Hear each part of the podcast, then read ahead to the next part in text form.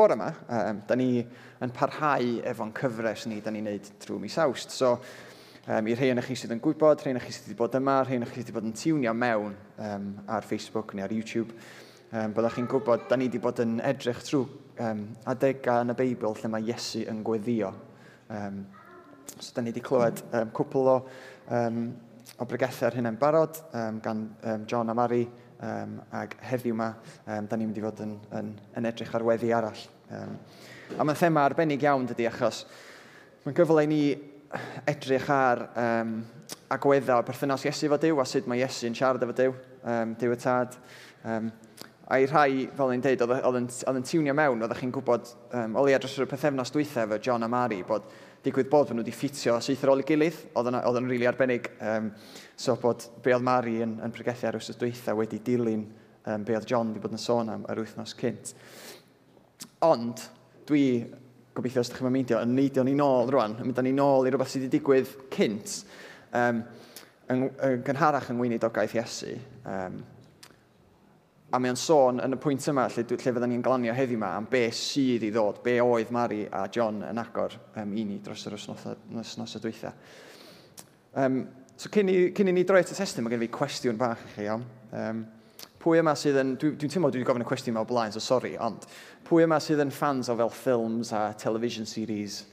Mae Sean Morris yn ei llaw fyny neu, ia, yeah, gret. Dwi, dwi yn, dwi yn drwg am, am wylio lot o dyledu. Mae Elin dweud fi'n gwylio gormod o dyledu.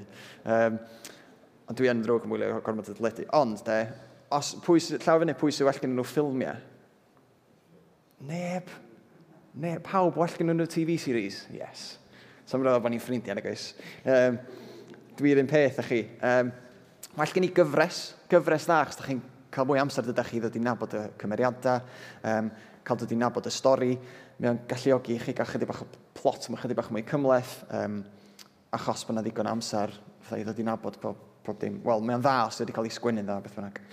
Um, ac un nodyn, dwi'n meddwl bod o'n bwysig i fi ddeud wrth basio yma ydy, os di rhywun eisiau cyngor am cyfresu teledu da, iawn, mae gen ni resident TV series expert yma, Suzanne Kelly yn fyncw iawn. Os da chi eisiau gwybod beth sy'n dda ar y teledu, wylio, Suzanne Kelly ydy'r person i siarad efo. Mae Suzanne efo fel tas rili really da mewn series teledu, so os da chi eisiau cyngor, dwi'n siŵr wneud Susanne ddim meindio, chi'n mynd i siarad efo hi. Um, a dwi ar hyn o bryd, um, Dwi'n gwybod os rhywun arall, dwi'n gwylio cyfres ar teledu ar hyn o bryd ar enw Baptist. Mae, new, mae wedi gorffan ar y teledu'n barod, ond dwi'n gwybod os di pobl eraill i bod yn gwylio hwnna. Um, na i ddim rhoi dim spoilers i rhai yn ysgrifennu chi sydd eisiau. Mae ar iPlayer. Um, Ond, um, yn y gyfres yma, mae yna lot o fatha neidio, neidio nôl ymlaen mewn amser, so mae yna lot, mae, mae rhywfaint o'r stori yn digwydd yn y presennol, a mae rhywfaint o'r stori yn digwydd yn y gorffennol. A mae'r darna o'r gorffennol yn helpu egluro beth sy'n digwydd yn y presennol. Um, a gobeithio bod chi'n gwybod lle dwi'n mynd yn hyn, ond be yng ngobaith i wedyn um, ydy, da ni wedi gweld be oedd John a Mary wedi agor i ni um, oedd yr osnos y dweitha, wan, yn mynd yn ôl gobeithio fydd edrych ar y testyn heddiw yma yn dod â chydig mwy o oleini ar be da ni wedi clywed yn barod a dod â mwy o wirioneddau allan. Um, a dod â mwy o just, yeah, pa mae'r anhygoel um, ydy'r hanes. Um, sori, cyflwyniad um, bach yn hir, ond gobeithio bod chi'n dall y pwynt. Um, so fyddwn ni'n mynd yn ôl um, i gyfnod chydig yn gynt yn weinidogaeth Iesu, er mwyn gweld just mawredd beth sydd yn dod nesaf, Um, so dyna di'r gobaith. So, na i droi, nhw'n i droi at y testyn a fydd y darlleniad yn dod i fyny um, ar y sgrin. Um, so, er bod fi'n mynd i ganolbwyntio'r cwpl o adnodau penodol, fel bod ni'n cael chydig o gyd-destun, dwi'n mynd i ddarllen um, Iwan 12 a dwi'n mynd i ddarllen adnodau 20 i 36. So mae'n deud, um, yn deud fel hyn. Um, roedd rhai pobl oedd ddim yn ei ddewon wedi mynd i addoli yn Jerusalem adeg gwyl y Pasg. Dyma nhw'n mynd at Philip, oedd yn dod o Bethsaida Galilea, a gofyn iddo, Sir, di ni eisiau gweld Iesu. Aeth Philip i ddweud wrth Andreas, ac wedyn aeth y ddau ohonyn nhw i ddweud wrth Iesu. Ymateb Iesu oedd dweud fel yma, Mae'r amser wedi dod i mi, mab y dyn, gael fy anrhydeddu. Credwch chi i fi, os nad ydy hedyn o wenith yn disgyn ar y ddeiar am arw, bydd yn aros fel y mae, yn ddim ond un hedyn bach. Ond os bydd y marw bydd yn troi yn gnwd a hadau. Bydd y sawl sy'n meddwl am neb ond fe ei hun yn colli ei fywyd, tra bydd y sawl sy'n rhoi ei hun yn olaf yn y byd yma yn cael bywyd tragwyddol. Os ydych chi am fy ngwasanaethu i, rhaid i chi ddilyn yr un llwybr am i. Byddwch chi'n cael eich hun yn yr un sefyllfa a fi. Y rhai sy'n fy ngwasanaethu i fydd Dyw fy nhad yn ei anrhydeddu. Dwi wedi cynhyrfu ar hyn o bryd beth allai ddweud? O dad, achub fi rhag y profiad ofnadwy sydd i ddod. Na, dyma pam dwi wedi dod. Dad, dangos di mor wych wyt ti. A dyma llais o'r nefoedd yn dweud, dwi wedi gwneud hynny a byddai'n gwneud eto. Roedd rhai o'r bobl oedd yna yn meddwl mai sŵn taran oedd, ac eraill yn dweud, na, angel oedd yn siarad ag e. Ond meddai Iesu, er eich mwyn chi daeth y llais, ddim er fy mwyn i. Mae'r amser wedi dod i'r byd gael ei farnu. Bydd Satan tywysog o byd hwn yn cael ei daflu allan. A phan ga i fy nghodi i fyny ar y groes, byddai'n tynnu pobl o bob man ata i fy hun. Dywedodd hyn er mwyn dangos sut oedd yn mynd i farw.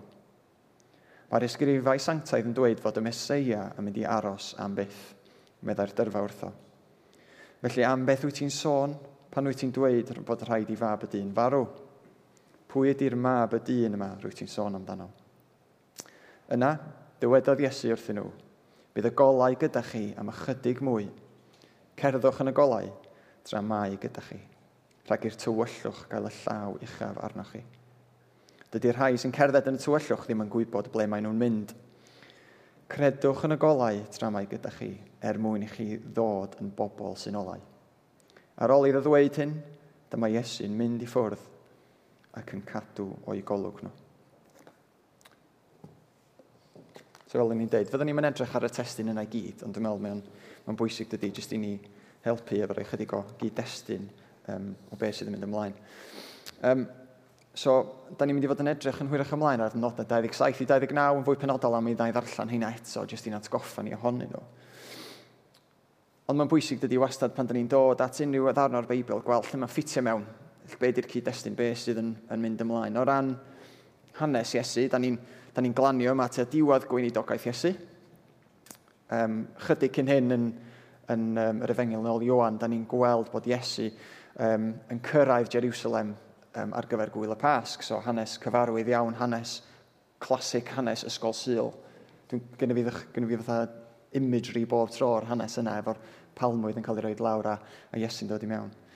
Um, ac rhywbeth arall nes i sylwi, actually, wrth baratoi, oedd yr, yr wyrth ola o le yn yr, hane, yn yr, um, yn yr efengel yn ôl Iwan, yr, yr, yr wyrth ola mae Iesu wedi gwneud cyn hyn ydy dod â Lazarus yn ôl yn fyw.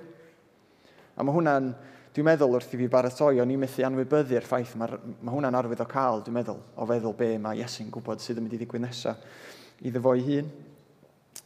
Um, mae ddisgyblion ydy, maen nhw'n newydd weld bod Iesu fo'r fo pwer dros y farwolaeth. Um, newydd weld bod o'n medru atgyfodi Lazarus. Ond eto mae o'n dweud bod o'n mynd i farw. So mae siŵr oedd hwnna'n dryslyd iawn iddyn nhw. Maen nhw'n nhw da ni'n gwybod gweld bod chdi'n gallu curo marwolaeth. So pam ti'n deud bod chdi'n mynd i farw?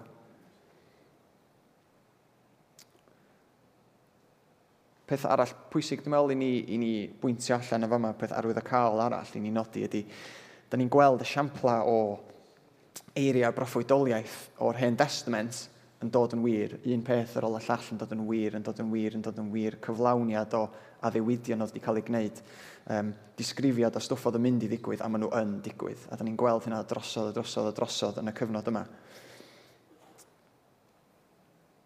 yn adnod 12 um, o'r benod, um, o benod 12, um, mae o'n cyfeirio nôl at adnodau'n Sechareia 9.9, a mae'n dweud paid ag ofni ddinas Jerusalem, edrych dyfrenin sy'n dod ar gefn ebol asen. A da ni newydd weld, mae Iesu'n cyrraedd Jerusalem ar gefn asyn. Nath John a Mary sôn lot am hyn, um, efo lleolna broffwydoliaethau a ddiwydion um, yn dod yn wir. Um, ella, yr enghraifft ella mwyaf clir o hyn oedd John doedd pan oedd John yn pregethu'n sôn am yn cyfeirio yn ôl at sawn 22 a oeddech chi jyst yn gweld yr manylion yna am y croeshoeliad ac y manylion yna am be oedd oedd yn mynd i ddigwydd i Iesu a da ni'n gweld bod y manylion yna yn dod yn wir.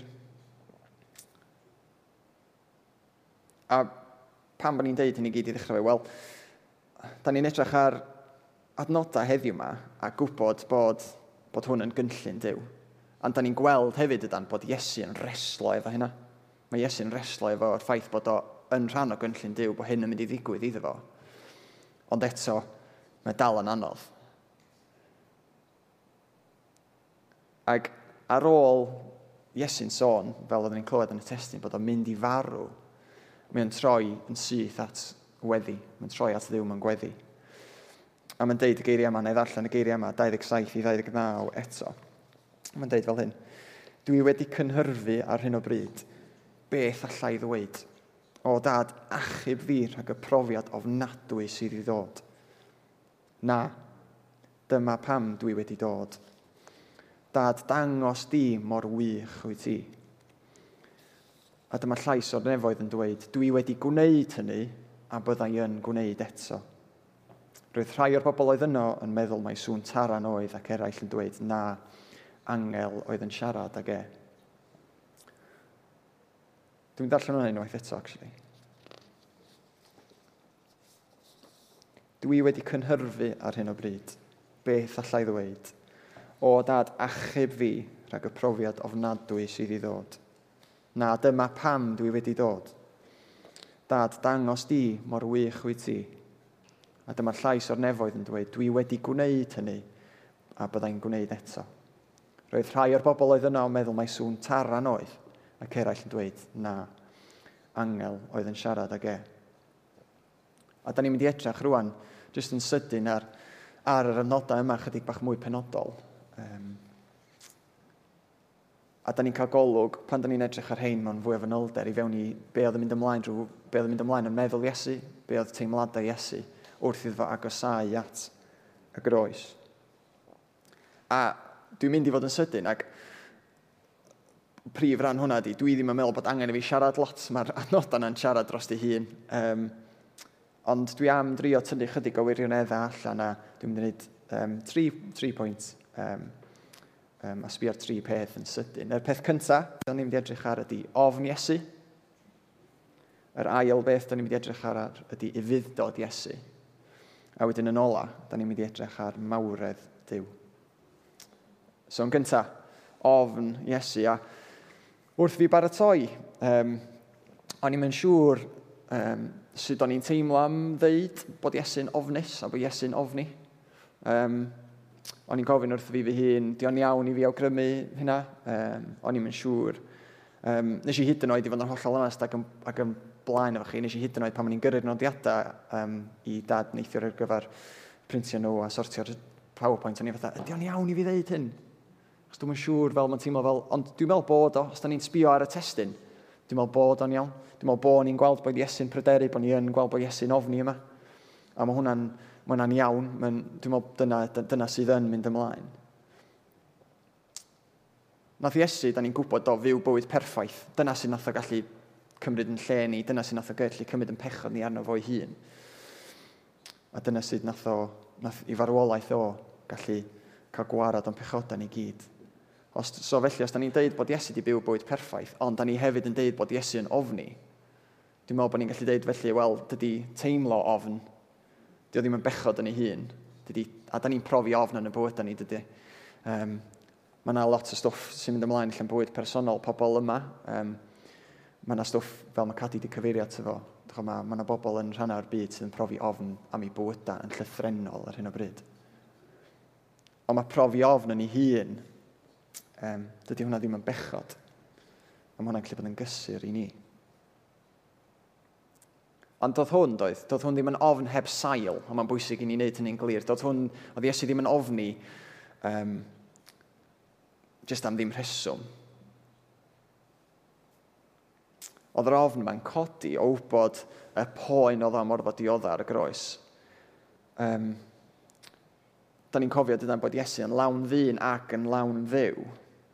A mae'n mynd i brofi'r poen o ddau agwedd i natur o. Um, y poen corfforol o'r croeshoeliad. Y poen o gario pechod dyn ac y poen mwyaf o gael ei dynnu allan o berthynas perffaith efo Dyw. Bod y perthynas yna'n torri da ni'n gwybod ydan o'r Beibl, dydy Dyw, mae Dyw mor sanctaidd, dydy Dyw methu edrych ar bechod. A nath Iesu wneud ei hun yn bechod ar yn mwyn ni. So oedd Dyw methu sbio ar Iesu, achos oedd Iesu, oedd Iesu wedi dod yn bechod yn yn lle ni. Fydra ni'n dychmygu'r peth na, fydra. Um, Ella bod chi wedi cael profiad o rhywun da chi'n caru neu rhywun da chi'n trystio yn, yn, yn deud rhywbeth neu'n gwneud rhywbeth sydd yn rili really brifo chi. Um, a mae hwnna'n rhoi just rhywfaint o snapshot o yr poen a'r loes mae Iesu yn mynd i fod yn profi. Ac da ni'n gwybod, dyda ddim hwn di'r unig adeg lle da ni'n gweld Iesu'n poeni am beth sydd yn mynd i ddod bellach ymlaen. Um, cyn y croeshoeliad, da ni'n gweld yda'n yn Gethsemane, sy'n mae Iesu eto yn, mewn, yn, yn, yn crio ac yn ei ddagra a mewn poen a mewn gofyn dydy, i'r cwpan chwerw yma gael ei gymryd i ffwrdd, yn gwybod beth sydd i ddod, yn gwybod yr poen mae'n mynd i gorfod um, gwynebu. Ond, ond, er y poen yna, ac er yr ofn yna, mae Iesu'n ifydd. Mae Iesu'n ifydd i gynllun Dyw. A be nath o, yn y lle na ofn, oedd troi at, at Ddiw mewn gweddi'n syth. Dyna oedd, dyna oedd ei ymateb o'n yn reddfol tollu, tollu allan ei, gar, ei, ei galon o a cyfaddau ofn, bod yn, oedd o'n bod yn onest efo Dyw, a deud, dwi yn ofni, dwi, yn, dwi mewn poen. A mae hwnna'n, dwi'n meddwl yn, dwi'n gwybod, da chi wedi cael profiad eich tebyg o hyn ydy, mae o'n reit arwydd o cael, mae o, mae o bron yn, yn reddf i ni fel, fel, fel pobl, fel dynion, tym ots os da ni'n yn grisnogion neu peidio, pan mae pobl yn mynd drwy amser anodd, maen nhw'n troi, maen nhw'n jyst yn yn troi at ddiw mewn gweddi, mae'r pobl sydd fysa efo dim diddordeb yn yw yn troi at ddiw mewn gweddi, achos mae hwnna yn y natur ni, mae hwnna, yn, dwi'n meddwl, yn, yn reddfol yn y ni, yn rhywbeth da ni'n naturiol yn gwneud pan da ni yn gwynebu anhawster um, ac ofn. A mae unrhyw berson sy'n gwneud hynna, mae'n cwmni da, achos da ni'n gweld fama, mae Iesu wneud union hynna. Mae Iesu yn ei ofn, yn ei boen, yn troi at ddiw mewn gweddi ac yn siarad efo Dyw y Tad. Na i, edrych, na i ddarllen eto ar adnodau um, 27 a 28, dwi'n meddwl bod nhw'n dod i fyny ar y sgrin. Mae'n dweud, o dad, achub fi rhag y profiad ofnadwy sydd i ddod. So dyna mae Iesu isio i ddigwydd, ynddo? Mae'n reit glir dyna mae o isio i ddigwydd. Ond mae wedyn yn mynd ymlaen i ddweud, na, dyma pam dwi wedi dod. Dad, dangos di mor wych wyt ti. A nes i gyfeirio gynharach at yr hanes yn Gethsemane, a mae'n deud y geiriau hyn, fy nhad gad i'r cwpan chwerw yma fynd i ffwrdd, os mae hynny'n bosib. Eto, dyna mae Iesu isio i'r cwpan chwerw gael ei gymryd i ffwrdd.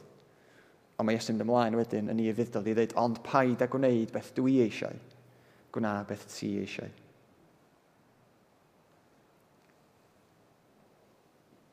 Mae'n amlwg, dydy, fel mae poen a galar a gofn yn, yn, yn llethu ysu. Um, ond eto, mae'n dewis deud, fel da ni newydd arllen, na, dyma pam dwi wedi dod, dangos mor wych wyt ti.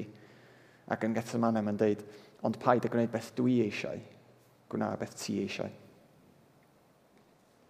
Dwi'n meddwl bod fi angen deud i mwy na hynna o ran i fuddod Iesu, mae hwnna'n neud o reit glir, dydy. Um, bod o yn teimlo'r teimladau yma ac yn teimlo'r ofn yma, ond yn ei fydd yn yr un pryd. Ac y pwynt ola, fel ni'n dweud, yn sydyn bore yma, sori, um, mynd ymlaen at mawredd diw. Mae wedi bod yn reit drwm um, hyd yn hyn. Ond achos beth sy'n mynd ymlaen yma, mae gennym ni gymaint obaith. So'r pwynt ola bore yma mawredd diw. Da ni wedi gweld o poen ac ofn Iesu ond da ni hefyd wedi gweld ei fuddod a'i ffyddlondeb o. Na i atgoffa chi eto o'r geiriau yna, nad 28, um, na, dyma pam dwi wedi dod, dangos di mor wych wyt ti. A cymerwch sylw eich ar yr ail ran o'r adnod yna um, tro yma, Dango, dad dangos di mor wych wyt ti. Nes i edrych ar cwpl o fersiynau gwahanol um, o cyfeithiadau gwahanol ar Beibl um, wrth baratoi hefyd. A y fersiwn yn y Beibl Cymraeg newydd diwygiedig ydy o dad gogoneddad a enw. Um, yn yr NIV yn Saesneg Father, glorify your name. So, chydig bach o wahanol. Um, ond mae'n dangos ydy, um, er bod nhw chydig bach o wahanol, um, mae, mae Iesu'n dangos mae, cal, mae, mae galon o ydy, a'r peth mwyaf pwysig iddo fo ydy bod Dyw yn cael y clod, bod Dyw yn cael ei glodfori, a dyna ydy'r peth mwyaf pwysig. A mae o'n fodlon talu fo'n dioddau er mwyn hynna ddigwydd, er mwyn i ddew gael y clod, er mwyn i ddew gael y gogoniant a'r mawl.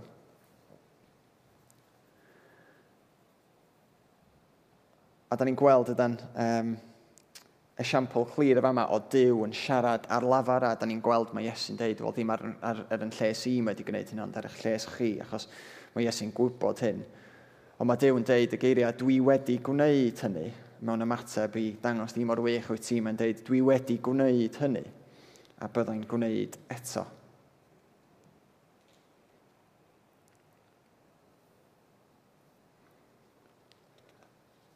Ac mae'n deud y geiriau yna, um, mae Iesu'n deud, dang, Dyw dangos mor wych wyt ti'n gwybod beth sydd yn mynd i ddigwydd iddo fo nesaf. A mae'n gwybod bod Dyw yn caniatau hynna ddigwydd yn, yn dod â clod iddo fo. A dyna di'r weithred mwyaf o gariad a, ra, a gras na sydd wedi bod a sydd fydd, fydd yn bod. Um, dyna sy'n mae, yes, dyna sy'n mae Dyw yn y cyfnod yma yn dangos pa mor wych ydy o. Mae'n caniatau fab ei hun farw dros bobl sydd wedi ymladd um, yn ei erbyn sydd wedi troi eu cefnau arno fo dro ar ôl tro ar ôl tro ar ôl tro a fydd yn gwneud hynny dro ar ôl tro hefyd. Mae'r geiriau yma dydy yn hyfryd, dwi wedi gwneud hynny a byddai'n gwneud hynny eto. A maen nhw'n, yn, maen nhw'n eiriau sydd yn ymestyn ar dros holl hanes. Mae'r dwi wedi gwneud yn mynd o'r creu, o dechrau yr bydysawd yma, dwi wedi gwneud, achos mae Dyw yn dechrau dangos mor wych ydi o'r foment yna at Iesu, a wedyn dwi'n mynd i, byddai'n gwneud eto, mae hwnna wedyn yn ymestyn am y dyfodol. Y dyfodol ni ar y byd yma ag be sydd i ddod. Mae'n jyst mynd dros hanes i gyd, a mae hwnna yn rhywbeth pwysig i ni ddeud wrth basio hefyd, a da ni'n gweld yda'n trwy trwy gydol y Beibl, esiampla o ddew yn dangos mor wych ydi o, fel o'n i'n deud, o'r creu hyd at Iesu, ac o Iesu hyd at ni, a fydd o'n dal i wneud pethau gwych o ni ymlaen. Achos mae'n ddiw tragwyddol, mae'n ddiw cariad, mae'n ddiw gras, mae'n ddiw sydd yn gweithio. Er bod o'n teimlo weithiau bod ni'n byw mewn byd lle dydy Dyw ddim ar waith, mae o. Just esiampla bach, ond mae gennym ni gymaint o stwff fel oedden ni'n cyhoeddi, mae gennym ni gymaint o esiampla o Dyw yn gweithio ond oes Just yn ymplith ni, storïau anhygol o Ddyw yn gweithio ar hyd y byd hefyd. da ni'n gweld dan um, esiampla o ddew, fel o'n i'n deud, yn dangos mor wych ydi o'r peth mwy amlwg o hynna, fel dwi wedi sôn am yn barod, ydy bod Iesu ar ôl marw yn atgyfodi a wedyn yn esgyn i'r nef um, i fod efo Dyw y Tad eto. A da ni wedyn yn gweld dan ffordd er, ar ôl Iesu esgyn wedyn, ffordd dyw, lle mae Dyw yn gweithio trwy'n erthu ysbryd glân hefyd. Yr ysbryd glân yn yr eglwys fore, yr ysbryd glân yn y plith ni, yr Esbryd glân yn y cyfnod yna rhwng yr eglwys Eglwysforau a ni a'r waith mewn ffordd rili really amlwg. A'r peth cyffroes i ni bod yma ydy, fel o'n i'n deud, os da ni'n deud bod yr, yr, yr statement yma, datganiad yma gan ddew yn para dros be sydd i ddod, da ni'n byw yn y cyfnod yna. Da ni'n byw yn y cyfnod byddai'n gwneud eto yma. A dwi'n meddwl mae'n bwysig i ni gofio hynna. Mae'n bwysig i ni gofio bod ni'n byw yn y cyfnod lle mae Dyw yn addo bydd o'n, bydd on gwneud eto, bydd o'n, mae'n addo, bydd o'n gweithio eto ac yn gweithio.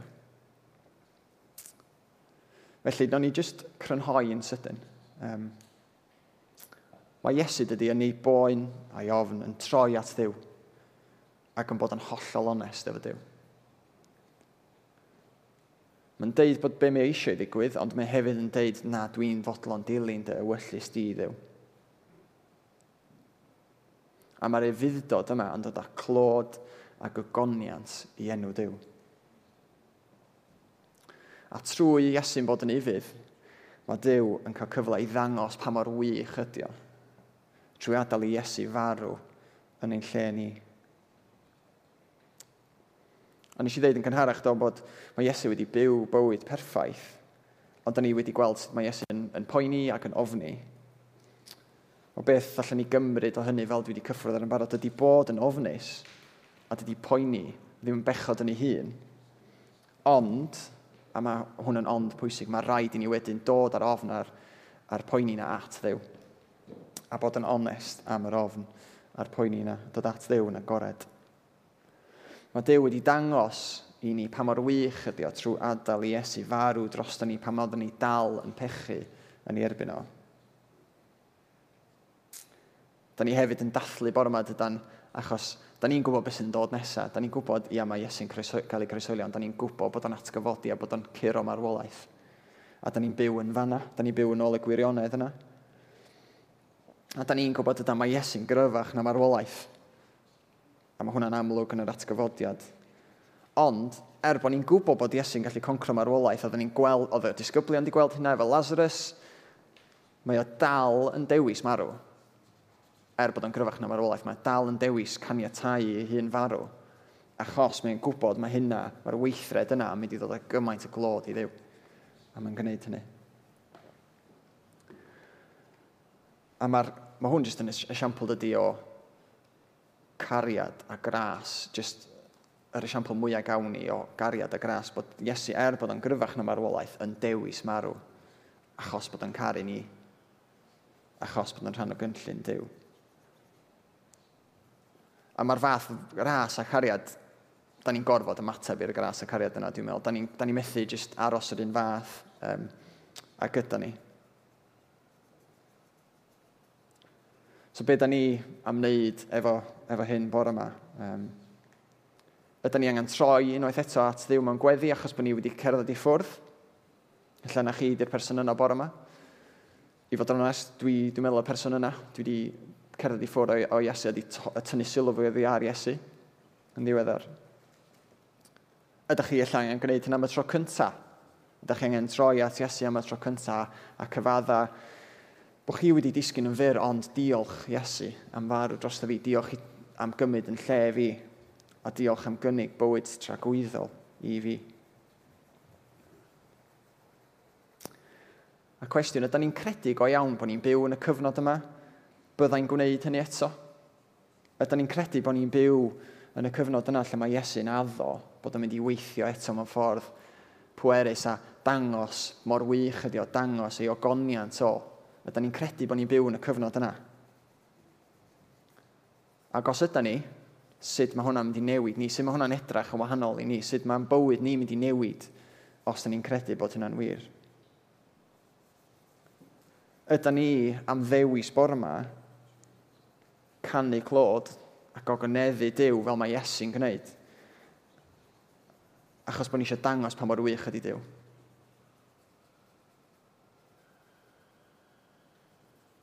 Dwi'n mynd i jyst gweddio. A dwi eisiau chi wir fel reslo fe'r cwestiynau yna. Peidiwch a jyst gadael efo fynd dros eich pen chi, a dwi'n siarad efo fi fy hun fan hyn hefyd, gadwch, reslwch efo'r cwestiwn yna. Ydyn ni'n credu bod ni'n byw yn y cyfnod byddai'n gwneud hynny eto a ydy ni felly'n fodlon tywall yn hun allan a canu clod ac ogoneddu Dyw yn llythrenol bore yma wrth i'r band ddod yn ôl a hefyd jyst yn ein bywyd ni bob dydd. Um, so nhw'n ni jyst gweddion sydyn. Um, o ddiw, da ni'n diolch i ti um, yn Iesu bod gennym ni'r esiampl o gariad a gras perffaith.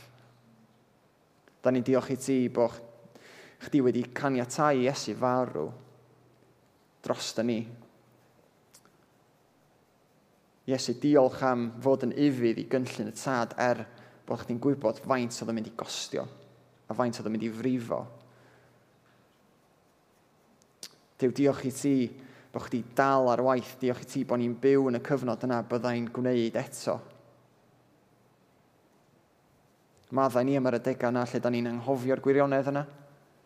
Maddau ni am yr adegau yna lle da ni jyst yn cael mor distracted efo'r byd prysur sydd yn cwmpas ni. Helpai bob un ohono ni sydd yma bore yma, hoelio'n sylw ni arna ti, Iesu. Hoelio'n sylw ni ar yr gwirioneddau da ni wedi siarad am bore yma. Fel bod hwnna yn newid ni. Dyw llenwa ni efo ysbryd glân di. Fel bod ni'n cael y nerth a'r hyder a'r, ia, a'r egni i jyst mynd allan a rhannu amdana ti yn y ffordd da ni'n byw ac yn yn geiriau ni. Dew chdi sy'n gwybod pa neges mae bob calon um, yma, bor yma, angen clywed a sy'n gwylio adre angen clywed a be lle mae neges yma angen glanio Dyw. dew dwi'n gweddio ni wedi wneud dy waith di. Ni wedi newid pobl bor yma. Um, so yn yr wythnos nesaf yma rwan helpa ni jyst dechrau, ella dechrau eto um, o droi at y tîm yn gweddi. Dechrau eto o gan ei clod i ti, dechrau eto o da addoli di a gogoneddu dy enw di. Um, diolch am dy bresenoldeb di yma bore yma. Um, da ni'n gwyddio hyn yn, i, i ddiw sydd yn cadw o'i addewidion, i ddiw sydd yn um, wedi gweithio er ein mwyn ni, ac yn gweithio er ein mwyn ni, ac yn mynd i weithio er ein mwyn ni. Um, so, da ni'n cyflwyno'r holl beth yma rwan yn enw Iesu. Amen.